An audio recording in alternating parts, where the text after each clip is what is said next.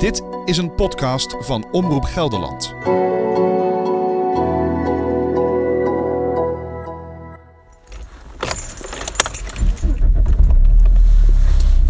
Ja, we hebben echt zo'n gezinsauto. En wat vind je ervan? Saai. Nou, we rijden altijd eh, richting zwemles met z'n tweetjes. En wat vind je nou van autorijden? Best wel leuk. Ik ben Vera IJsink en je hoort mijn dochter Emma. Dat je goed moet opletten en dat je kan sturen met je armen. En dan heb je armen in beweging. Naast journalist ben ik ook de moeder van twee dochters. Emma van 6 en Louise van 2. Welkom bij de podcastserie Zo leven jij en ik in 2040. In deze aflevering heb ik het over de auto van de toekomst. Gaan we straks elektrisch rijden of op waterstof? Ik vraag me af of mijn dochters later nog wel in een eigen auto rijden. Is het bezit van een auto nog wel belangrijk? Of gaan we over 20 jaar auto's vaker delen?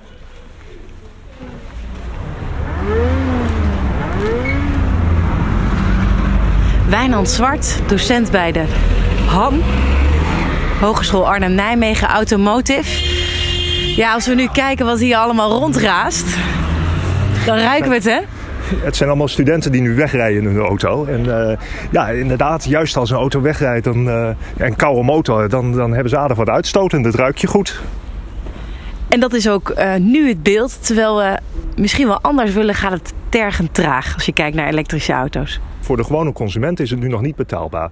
En voor zakelijke rijders is het wel heel goed betaalbaar. Maar het komt ook door heel veel stimuleringsmaatregelen natuurlijk vanuit de overheid. Maar die stimuleringsmaatregelen die, die treffen niet uh, de, de particuliere bezitter van een, uh, van een auto. Want als er geen stimulans was vanuit de overheid om elektrisch te gaan rijden, was het dan überhaupt mogelijk? Misschien wel.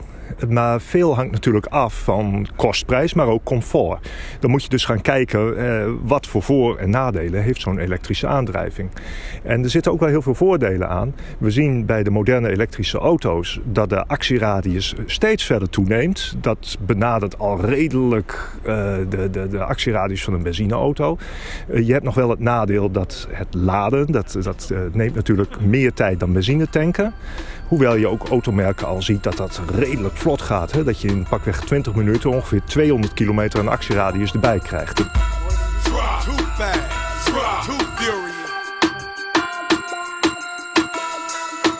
Studenten van de Han Automotive leren alles van de auto-industrie door met een team zelf een auto te bouwen. Mijn naam is Jelmer de Jong, ik ben teammanager van Han Hydromotive. Ja, raceteam is het eigenlijk niet. Uh, we noemen het wel een raceteam, maar het is eigenlijk een team. Uh, dat draait om efficiëntie, zuinigheid van, uh, van auto's. we rijden bij op waterstof met de fuelcell ja, en zorgen daarmee om zo zuinig mogelijk een parcours af te leggen. Nou, Jelmer, ik ben even benieuwd. Hoe ziet het uh, frame eruit? Ik, volgens mij zit ik hier naar te kijken, of niet? Ja, dit is het nieuwe frame voor onze nieuwe auto. Dit is van aluminium. Uh, hij, dus, ja, hij, hij voelt wel zwaar aan, maar in principe in verhouding is hij heel licht als je kijkt naar gewoon staal. Uh, hij is dus bij een bedrijf, uh, lastbedrijf is hij in elkaar gezet. Maar het is op zo'n manier gemaakt dat hij dezelfde krachten kan weerstaan dan gewoon het stalen frame wat wij hiervoor hadden in het oude voertuig dat hier op de brug staat. Uh, ik ben Mees Meijboom, ik ben 23 jaar oud en ik zit in het Han Formule Student Team. Een heel groot project binnen de Han.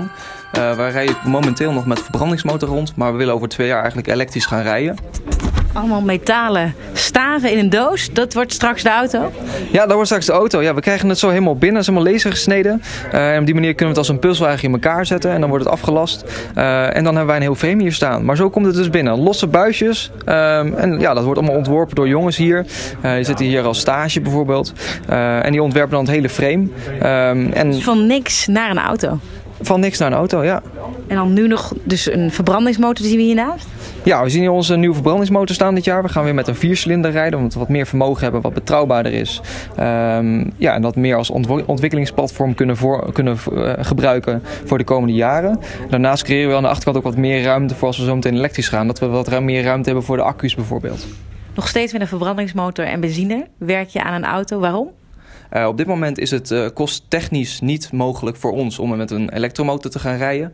Uh, wij hopen dat nou, in de toekomst onze sponsoren ons daarbij kunnen helpen om dat wel mogelijk te maken. Nou ja, bij raceauto's is zoals iedereen wel weet gewicht heel erg belangrijk. Uh, en daarom kunnen wij eigenlijk geen zware accu's meenemen. Uh, dus voor ons is het heel belangrijk dat wij lichtgewicht accu's hebben die het vermogen kunnen leveren voor onze motoren. Uh, om de auto natuurlijk zo snel mogelijk rond de racebaan te krijgen. en die zijn heel duur, die lichtgewicht accu's? Ja, die zijn heel duur. Het is heel moeilijk om ze um, goed te kunnen opladen, om ze goed te kunnen controleren. dus ja, heel groot deel is eigenlijk veiligheid. en dat is het belangrijkste voor ons. Hoe duur is zo'n accu? Nou, een gemiddeld accupakket van voor een elektrische Formule Student auto zit ongeveer op 20.000 euro.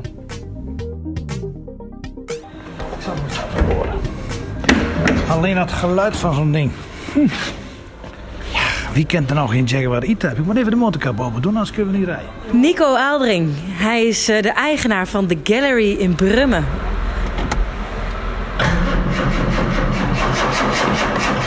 ...1987 uh, ontstond het hier, uw collectie. Je weet veel van me. We zullen een andere auto moeten pakken. Waar ligt het aan? Ja, motorproblemen. De accu's. Accu, hè? We lopen langs uh, enorm veel klassieke auto's. Ik zie hier een Ferrari. Ja, dat is een hele kostbare Ferrari. Wat kost dit uh, exemplaar? Ja, 2 miljoen of zo. Ja, het is heel bijzonder dit. Even wachten, stroom erop. En doet hij het.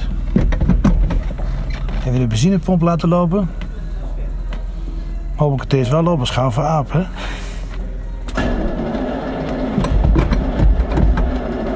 Bordenrode bekleding, leer natuurlijk. Nou, dat is niet te geloven. Ook de accu. Ik snap niet dat we überhaupt auto's kunnen verkopen hier. God zal er bas het nou aan toe, wat een ellende. Ik moet er een laten horen. Ja, die Enzo. Staat die Enzo eens, Bob? Nou, daar gaan we. En dat is een geel exemplaar. Ja, ook een bijzonder exemplaar. Ook heel kostbaar.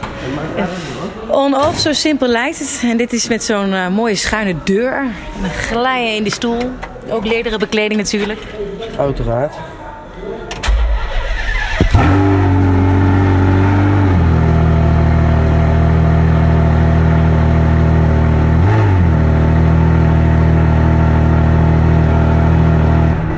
Nu allemaal missen als we elektrisch rijden. Kun je je voorstellen? Nou is dit wel een beetje veel herrie. Maar toch? Welke auto rijdt u dagelijks? Ik heb het leukste vak van de wereld. Hè. Ik heb een Maserati. En hoe komt u hier naartoe? Lopend, want ik woon hiernaast. hier staan dan tussen alle klassieke bolides van u. Maar is er ook een elektrische tussen te vinden? Nee. Hebben we laadpalen? Nee. Ik heb Gaat niks, het er komen? Even voor de duidelijkheid, ik heb niks tegen elektrische auto's, dat is de toekomst. Maar u bewaakt misschien wel de geschiedenis, de oude auto. Je zegt het juist, ik bewaak de geschiedenis, ik, ik bewaak de historie. Iedereen wordt toch blij als je een klassie, mooie klassieke auto ziet rijden, wordt toch blij? Jan de Jong, wat voor brandstof wordt erop gereden in de toekomst? 2040, hoe rijden we dan? Als het aan ons ligt, dan spreek ik voor ons gehele team Han Hydromotive, zal het waterstof zijn, omdat wij daarin geloven. Uh, wij hebben daar ook dagelijks mee te maken, dus weten ook de toepassingen van het product uh, en zien daar gewoon vele voordelen in. Kort uitgelegd, hoe werkt dat waterstof in een motor? Nou, waterstof wordt voor ons aangeleverd, maar dat wordt opgewekt door elektriciteit. Uh, en dat wordt door middel van een brandstofcel weer terug, teruggezet naar elektriciteit en waterdamp. Waar, we, waar wij mee de motoren kunnen aandrijven. Dus er komt een reactie tussen zuurstof en waterstof en dat is elektriciteit en daarmee kan je rijden. Mees Meijboom, wat denk jij? Welke brandstof heeft de toekomst? Nou, ik denk dat uh, um, we voornamelijk gaan rijden op accu's. Uh, natuurlijk voor lange afstanden wordt het laden natuurlijk een dingetje. Ik denk dat daar inderdaad de waterstof uh, inderdaad naar voren gaat komen. Maar ik denk voor dat alledaags gebruik en voor het gebruik nou, de normale mensen... dat daar voornamelijk eigenlijk de accu's weer ja, de toepassing zullen gaan vullen. Zijn er genoeg laadpalen in Nederland om overal elektrisch te kunnen rijden? Ja, op dit moment zijn er best wel veel laadpalen beschikbaar in Nederland. En je kunt daarnaast natuurlijk ook gewoon thuis je energie gebruiken van een stopcontact. Uh, dus je kunt overal eigenlijk wel laden op dit moment. Hoe is dat met waterstof? Zijn er veel waterstoftankstations in Nederland? Nee, op dit moment zijn er nog te weinig tankstations. Er zitten tankstations in Rotterdam, Arnhem en Helmond. Uh, dit is nog lang niet voldoende om natuurlijk heel Nederland te voorzien. Uh, maar gezien de uh, vraag wel stijgt van waterstofauto's... ben ik van overtuigd dat die aantallen gaan stijgen. En wat is het voordeel van waterstof? Nou, het voordeel van waterstof is dat de actieradius extreem vergroot. omdat het gewoon bijgetankt kan worden. Tanken doe je in principe... Tenminste, voor de meeste mensen is het denk ik wel te vergelijken met LPG-tanken. je doet de slang aan de, aan de tankmond eigenlijk. En je vult hem onder druk. Gewoon een gewapende tank. Eh, die hoge drukken kan weerstaan, volgooien en weer wegrijden. Waarom zie je ze niet of nauwelijks?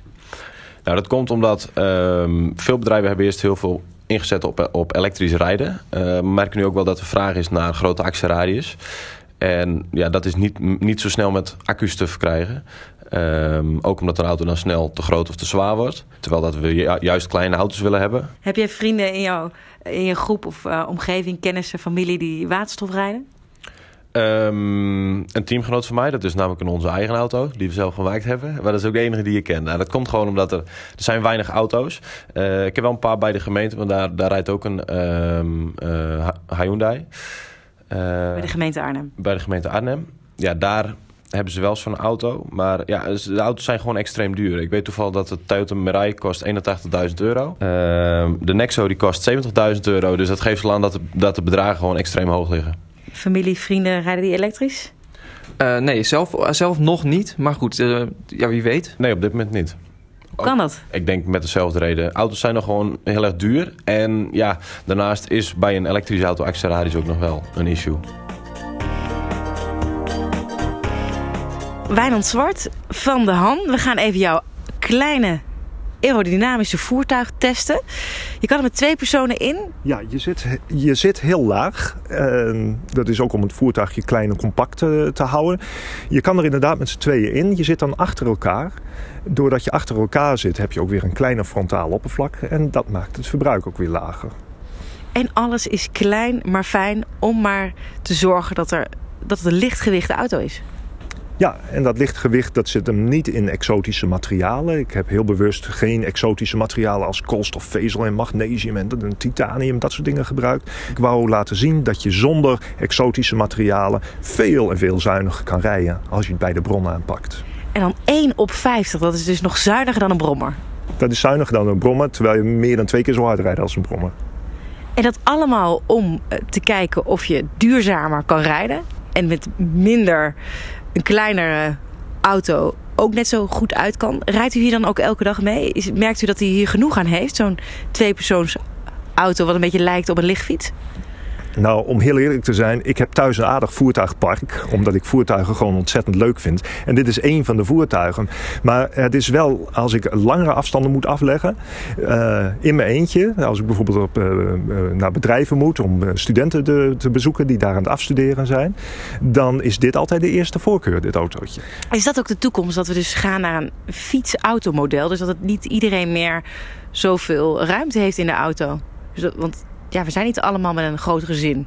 Ja, wat dat betreft is het ook een beetje raar. Als je bijvoorbeeld heel veel woon-werkverkeer ziet... dan zit zo iemand alleen in de auto. En dan heb je de auto van misschien wel 1200 kilo... die 80 kilo mensen voert. Die verhouding is helemaal zoek. Als je kijkt naar een fiets, is die verhouding veel gunstiger. Dan heb je een fiets van nou, max 20 kilo of zo, wat zal het zijn. En die vervoert 80 kilo mens. Dat is een betere verhouding. We gaan maar eens testen. Ik ben wel benieuwd. Je sleuteltje bij de hand. Het ziet eruit als een fietssleuteltje ook. Dan gaat hij open. En we moeten er echt instappen. Ja, het is een soort koepel die, uh, die open gaat. Een soort, soort vliegtuigcockpit zou je kunnen zeggen. En het voertuigje heeft wel wat weg van de uh, Messerschmitt cabineroller. Zoals we dat uh, nou, in de jaren 50 was hij op de markt dan heb je het echt over de, de periode van de Duitse bubble cars. Zoals ook de Gogomobiel en de BMW Isetta. En dat gaat ver terug. Dat gaat heel ver terug. Maar ook toen was het idee er al. Dat waren ook tijden van schaarste. En toen werd er ook gedacht van kleine voertuigen, zuinige. En die gedachte is misschien nu wel weer actueel. Ik heb een grote tas mee. Hebben we bagageruimte ergens of niet? Nou, meestal als ik er in mijn eentje in zit, dan, dan gooi ik de bagage daarin. Uh, en, en helemaal achterin is er nog een klein bagageruimtetje, maar daar zal je tas niet in passen. Ik zet hem op schoot. Dan ja, doen we dat. En dan zal ik ook het kinderstoeltje er even aan. Oh, ja. Kijk, een kind kan ook mee. Ja, ja, ja. Mijn dochter vervoer ik er ook gewoon mee. Ja. ja ik, duw, ik duw je even achteruit. Dit, dit, voertuigje heeft geen achteruitversnelling. Hij heeft een aandrijving van een uh, motorscooter. En uh, die had origineel geen achteruit. Maar het grappige is, voor de uh, goedkeuring was die achteruit in de tijd ook niet nodig. Dus uh, hij is gewoon goedgekeurd, RDW goedgekeurd, zonder die achteruitversnelling. En riem, veiligheid, die hebben we ook. Ja, je, ja. je zit heel laag, je hebt echt het gevoel... Ik deze ook even weghalen. Beetje kano-gevoel heb ik eigenlijk. Ja. Ik heb een date. Oh, daar gaat het dak erop. Ja.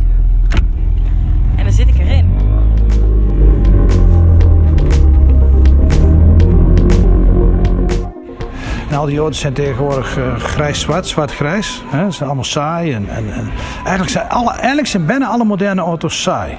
Maar het zijn geen auto's, het zijn vervoersmiddelen. Die breng je van A naar B. En doen ze allemaal heel goed. Maar die oude auto's, die geven pas fun. Dan kijk ik in mijn podcast naar 2040. Rijden mijn dochters dan nog in een eigen auto? Kopen ze nog wel een auto? Wat Dat denkt u? minder. Ik denk dat het minder wordt. Jonge mensen eh, zijn meer aangewezen op openbaar vervoer. En dat gaan ze langer meer doen, het valt mij op. Daarom blijven die klassieke auto's ook. Die, ik, denk dat het zelfs, ik denk dat het zelfs in hun voordeel gaat werken.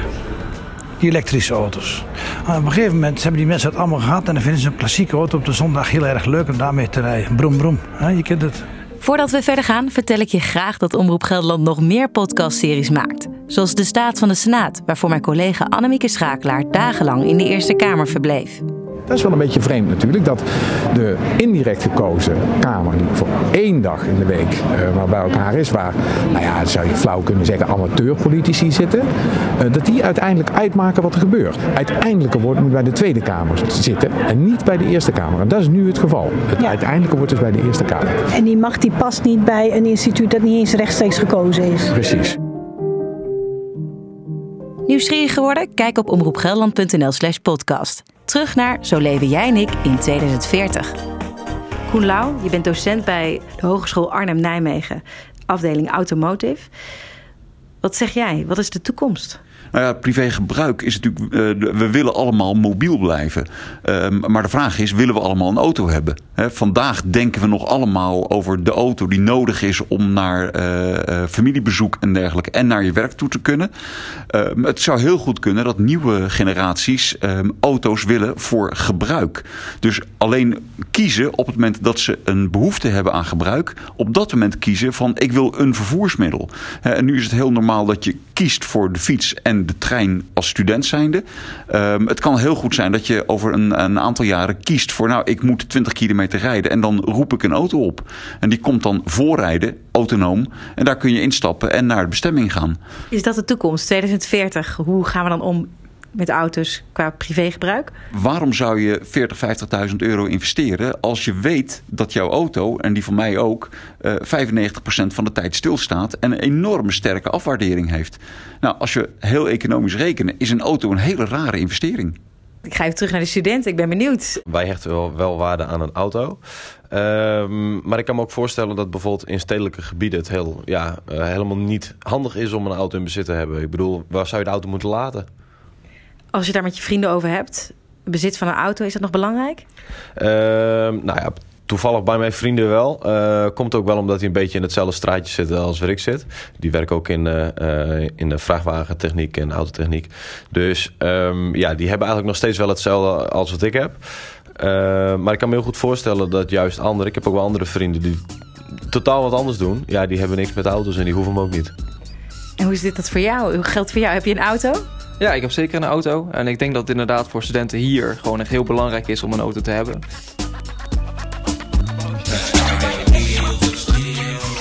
Wat voor auto heb je? Ik heb een oude Volvo 240 uit 1992. Ik rij op benzine. Wat voor auto heb jij? Ik, eh, ik heb een Opel Astra Coupé uit 2001. En wat vind je daarvan, dat je benzine rijdt? Eh, het is beter dan diesel. Eh, maar het valt nog wel echt te verbeteren. Ik moet ook wel zeggen, als ik het geld had, had ik wel wat anders gedaan. Nou ja, ik vind eh, eigenlijk natuurlijk eh, als autotechneut moet er gewoon benzine in die auto zitten. Ehm, natuurlijk is elektrisch rijden heel erg mooi, maar het is gewoon heel erg duur. Als de vraag komt, dan zal de industrie gaan leveren. Uh, maar als die vraag er niet is, dan wil de industrie wel heel graag zijn huidige uh, outillage, zijn, zijn, zijn uh, productiecapaciteit gebruiken. Maar goed, er ligt natuurlijk ook een verantwoordelijkheid voor wat je voor producten op de markt brengt. Zorgen dat we duurzame auto's maken. Ja, maar dat doen ze volop. Uh, alleen ze zijn er nog niet. Um, uh, dat heeft gewoon even tijd nodig om dat door te ontwikkelen. Want we willen dat straks wel dat een elektrische auto net zo betrouwbaar is als een, uh, als een gewone brandstofauto die we nu kennen. Hoe, hoe zit het dan? Ligt het aan, is geld een, een probleem of wat is de uitdaging? Nou, de uitdaging is altijd geld. Het is altijd een verdienmodel. Hebben de, voor niks gaat de zon op en de rest moet je betalen. Dus als wij een ander, andere uh, vorm van vervoer willen hebben, dan zullen we dat moeten ontwikkelen. Dat kost geld en dat moet geld opleveren. Um, en daar zijn de grote producenten nu massaal mee bezig. Want als je ziet wat er een, miljarden geïnvesteerd worden door alle grote fabrikanten om die nieuwe mobiliteit mogelijk te maken. Hadden ze niet meer idealisme moeten hebben? Moeten zeggen, nou dan maar even wat minder winstoogmerk? Um, ja, dat is een ethische vraag. Uh, daar kunnen we heel lang over stoeien, maar daar komen we niet uit. Uh, heel persoonlijk denk ik dat, uh, dat we al een jaar of vijf achterlopen met de ontwikkeling. Maar die ontwikkeling die is al 10, 15 jaar gaande. En... Maar het is altijd winst georiënteerd. Hè? Had het ook uh, planet-proof kunnen zijn, hè? meer planeetwaardig. Dus dat je gaat denken, we moeten iets doen voor de wereld. En dan kost dat maar geld.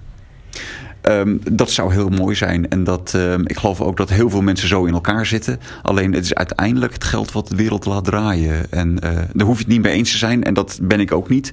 Um, en het liefste zou ik vandaag alle auto's omgeschakeld zien worden naar elektriciteit. Of naar waterstof. Of naar welke vorm van energie dan ook. Als het maar wat schoner wordt in deze wereld. Want we willen het wel graag mooi en schoon achterlaten. Hoe is dat gevoel voor jou? Dat ronkende motoren. Ga je dat missen als dat totaal verdwijnt? Nee, want dat doet het momenteel al. Uh, als we vandaag in een, in een moderne auto stappen, dan hoor je de motor niet. Uh, de automotive die is heel erg bezig met downsizing van motoren. Dus wat vroeger bijvoorbeeld uit een 2 liter motor werd gehaald, wordt nu uit een 1 liter turbo gehaald. Uh, die motoren zijn ook al veel stiller, omdat ze veel kleiner zijn. Uh, daarnaast zit er allemaal in een auto-isolatie, dus je hoort al heel weinig. Uh, ik denk als de mensen vandaag de dag in de auto stappen, dat ze de motor al niet meer horen. Maar natuurlijk, uh, als ik bijvoorbeeld een Amerikaanse V8 naast een elektrische auto zet, dan klinkt die toch wel mooier. Je hebt het overleefd. Ja, ik heb het overleefd. Inderdaad, gaat hij weer. Open. Nou, ik moet zeggen, het valt me heel erg mee. Het gaat heel goed en heel snel. En alleen, ik vroeg me alleen af, hoe veilig ben je als je in een ongeluk terechtkomt? Nou, qua veiligheid wil ik niet pretenderen dat hij even veilig is als een moderne persoonauto. Aan de andere kant, ik heb wel over de veiligheid nagedacht. Je zit in een soort veilige kooi. Je, ziet ook rondom een soort, uh, ja, een soort structuur, een soort balkenstructuur om je heen lopen. En buiten die balkenstructuur zit een uh, flink pak piepschuim. Ja, ik kan heel duur zeggen polystyreenschuim, maar het is gewoon piepschuim. En dat zit bijvoorbeeld ook in, in helmen voor motorfietsen. En daar dient, daar, daar dient het ook voor. Je, je klopt nu op uh, de zijruiten. De zijruiten zijn gemaakt van polycarbonaat. Dat is een kunststof die bijna niet kan breken. Uh, dus het versplintert niet. Het is ook niet uh, heel erg hard. Dus met, een, met een zware aanrijding, bijvoorbeeld een zijdelingse aanrijding... en jou, je, je hoofd zou tegen de ruit aanslaan, dan verwacht ik dat je hier minder schade zou hebben dan als je dat uh, gebeurt in een normale conventionele auto die geen gordijn-airbags heeft. Want moderne auto's hebben soms uh, zij-airbags die ervoor zorgen dat je hoofd niet heel hard tegen de zijruit aanslaat. Maar ja, als jij de zijruit dusdanig flexibel maakt dat jij geen zware verwondingen ervan gaat krijgen, dat is natuurlijk ook een manier om te conserveren. In plaats van extra airbags en daar weer extra gewicht en extra complexiteit en extra kosten toe te voegen, kan je het ook weer bij de bron aanpakken. En dat is wat ik hier doe. Hoe heet deze auto van u? De merknaam kan ik niet zelf opgeven. Dat verzint RDW en dat heet zelfbouw. Maar het type mag je wel zelf verzinnen en dat heet WMZ3. En dat zijn gewoon mijn initialen en het is het derde grote zelfbouwproject van mij. Dus uh, vandaar deze, deze naam. En dit is ook het rolmodel autootje, een soort fietsauto waar de hand mee aan de slag gaat. Hoe zit dat? Ja, je, je, zou kunnen zeggen, je hebt het uh, zelf deze auto al vergeleken met, met zo'n gestroomlijnde lichtfiets. Wordt dit de auto van de toekomst? Een soort van tweezits autootje wat meer in de buurt komt van de fiets? Nou, ik denk niet dat dit de auto van de toekomst is. Het zou een vervoersconcept voor de toekomst kunnen zijn. En op dit moment is in dat project ook een soort onderzoek bezig naar uh, wat voor markt is er voor dergelijke autootjes en hoe zou een soortgelijk autootje dan voor de, voor de markt uit moeten zien? Laten we eens even kijken ook naar andere uh, twee-persoons voertuigconcepten. Neem een Smart Fortwo. Dan heb je het vooral over een auto die vooral als stadsauto bedoeld was. Kort, hoog, Ehm, hoog om, om eh, veel overzicht te hebben, om overal makkelijk overheen te kunnen kijken. Kort om makkelijk te kunnen parkeren. En heel vaak is, uh, zijn twee zitplaatsen genoeg. Dan heb je ook nog de Renault Twizy. Dat is een elektrisch voertuigje waarmee, uh, waarbij je ook met z'n tweeën achter elkaar zit. Ehm, dat voertuigje is ook vooral bedoeld als stadsvoertuig. Je zit nog iets meer naar de fiets toe, omdat de zijkanten van dat voertuigje open zijn. Dat voertuigje is in mijn ogen weer net wat te traag om op de snelweg te rijden. Maar goed, dat is dus typisch een stadsvoertuigje. Het voertuigje waar jij nu in zit, waar we net mee hebben gereden, dat is minder geschikt voor de stad, vind ik zelf. Omdat je heel laag zit, je hebt weinig overzicht.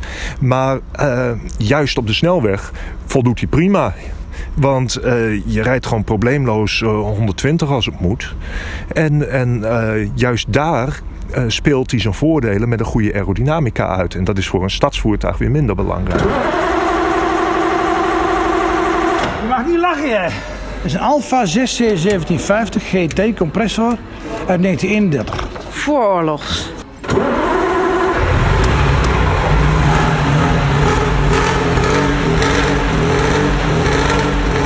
Zal altijd blijven. Alleen er zal natuurlijk wat gaan gebeuren met brandstofprijzen en dergelijke, denk ik.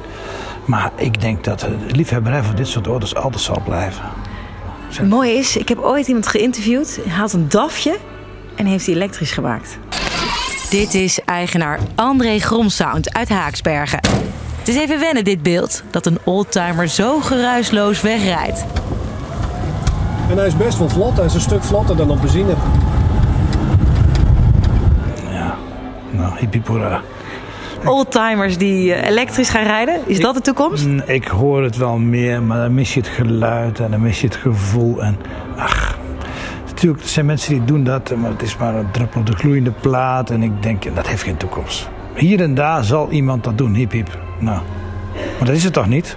Dat is toch niet het gevoel van, van, van, van zoals een auto in de jaren 60 was. Als je in zo'n auto stapt en hij is te krap. En, maar je voelt het en alles beweegt. En dat, dat, ja, dat kan ik helemaal niet uitleggen.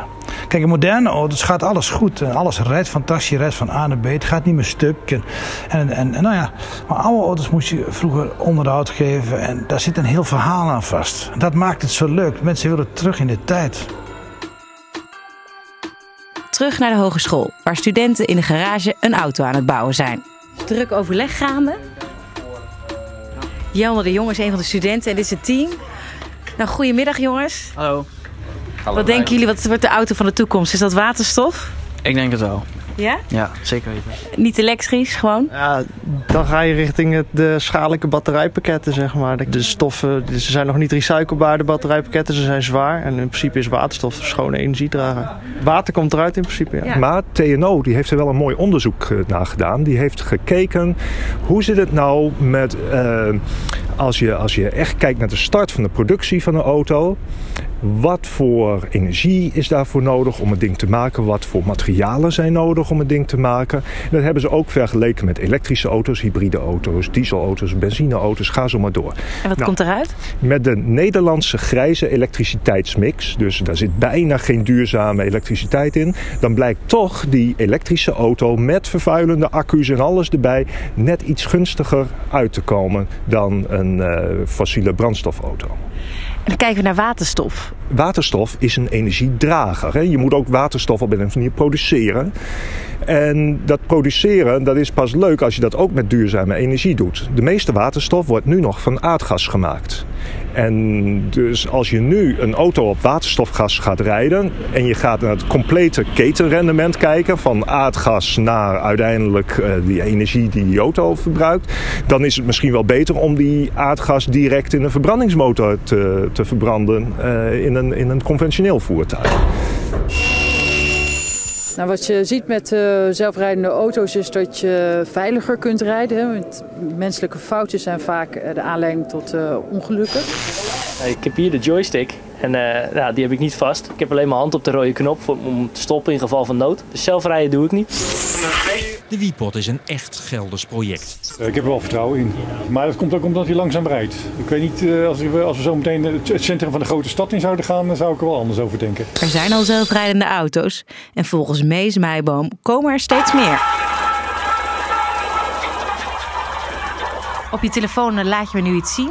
We kijken nu naar een filmpje van het uh, Formule Student Team uit Zurich. Uh, en die hebben een auto gebouwd die volledig eigenlijk uh, ja, zelfstandig um, zijn weg kan vinden rond de racebaan. Um, en dit is eigenlijk echt de toekomst van de autotechniek. En daar gaan wij over twee jaar ook mee bezig. Nou, je ziet dat er nu eigenlijk al fabrikanten bezig zijn met echt ondersteuning van, van uh, bestuurders. Dus je ziet bijvoorbeeld dat uh, nou ja, Tesla uh, die um, functie aan boord heeft dat je inderdaad dus nou ja, met je handje omhoog achter het stuur kunt zitten en dat de auto eigenlijk zijn weg volgt. maar dit is ook volledig het sturen. en dat is het, het, hetgeen waar we het meeste um, de moeilijkheid in vinden eigenlijk. omdat ja, mensen willen zelf die controle hebben en nu geef je het uit handen letterlijk. En wat zijn de gevaren van de zonder een bestuurder auto's op de weg laten? Um, nou ja, de, de, grootste gevaar op de weg is natuurlijk de mens zelf. Uh, een mens maakt fouten uh, en dat kan een computer niet inschatten. Maar een computer maakt ook fouten? Een computer maakt fouten, maar minder fouten dan de mens. Dus wordt het veiliger? Um, ik denk als we een gecombineerde um, weg hebben waarbij um, autonome voertuigen rijden en mensen uh, rondrijden, ik denk dat het daar niet per definitie veiliger op wordt. Maar als er alleen maar autonome voertuigen worden, zal het zeker veiliger worden. Naast autonoom rijden gaan we auto's vaker delen, denkt student Jelmer de Jong. Uh, om zo ook uh, parkeerproblemen op te lossen. En hoe zie je dat voor je? Nog kleinere autootjes, hoe groot zijn ze dan? Nou, dat zijn echt auto's voor één persoon. Uh, wij hebben toevallig... Uh, of toevallig... Dus één stoel erin, of hoe dan? Ja, ik denk uh, één stoel met een bagageruimte. Wij hebben zelf van het team Han Hydromotive ook een eenpersoonsauto met bagageruimte. Nou, dat is ongeveer een model ehm, die gebruikt kan worden. En iedereen kan daar dan in? Dat is dan een deel eenpersoonsauto?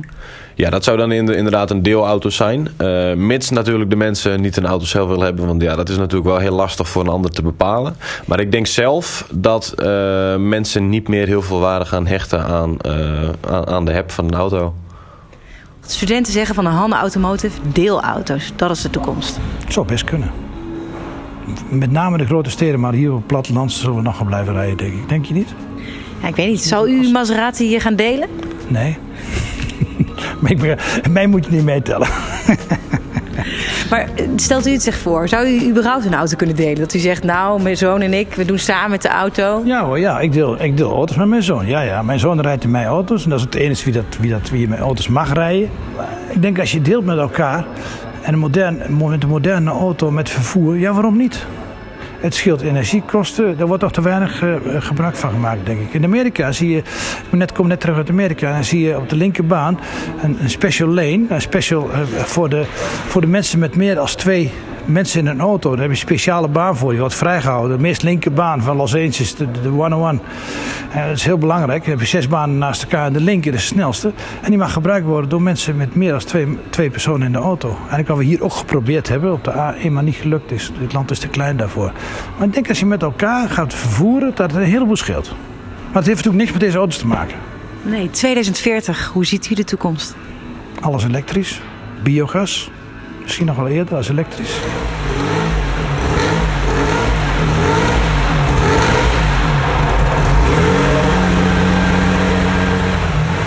Het gaan we allemaal missen straks. Straks is alles stil op de weg. Het is alleen leuk voor de mensen die dicht aan de snelweg wonen. En waar rijdt Emma in als ze 26 is? Een auto die papa en mama hebben. En rij je dan graag zelf? Ja. Dit was de derde aflevering van Zo leven jij en ik in 2040. Bedankt voor het luisteren en nieuwsgierig naar de volgende? Dan gaan we het hebben over een operatie met een robot. Binnen de robot zitten verschillende sensoren. Dus als hij merkt dat hij iets tegenkomt wat hij niet had verwacht, of dat hij merkt dat hij wat afwijkt, dan zit er een systeem in, de robot waardoor hij meteen stopt.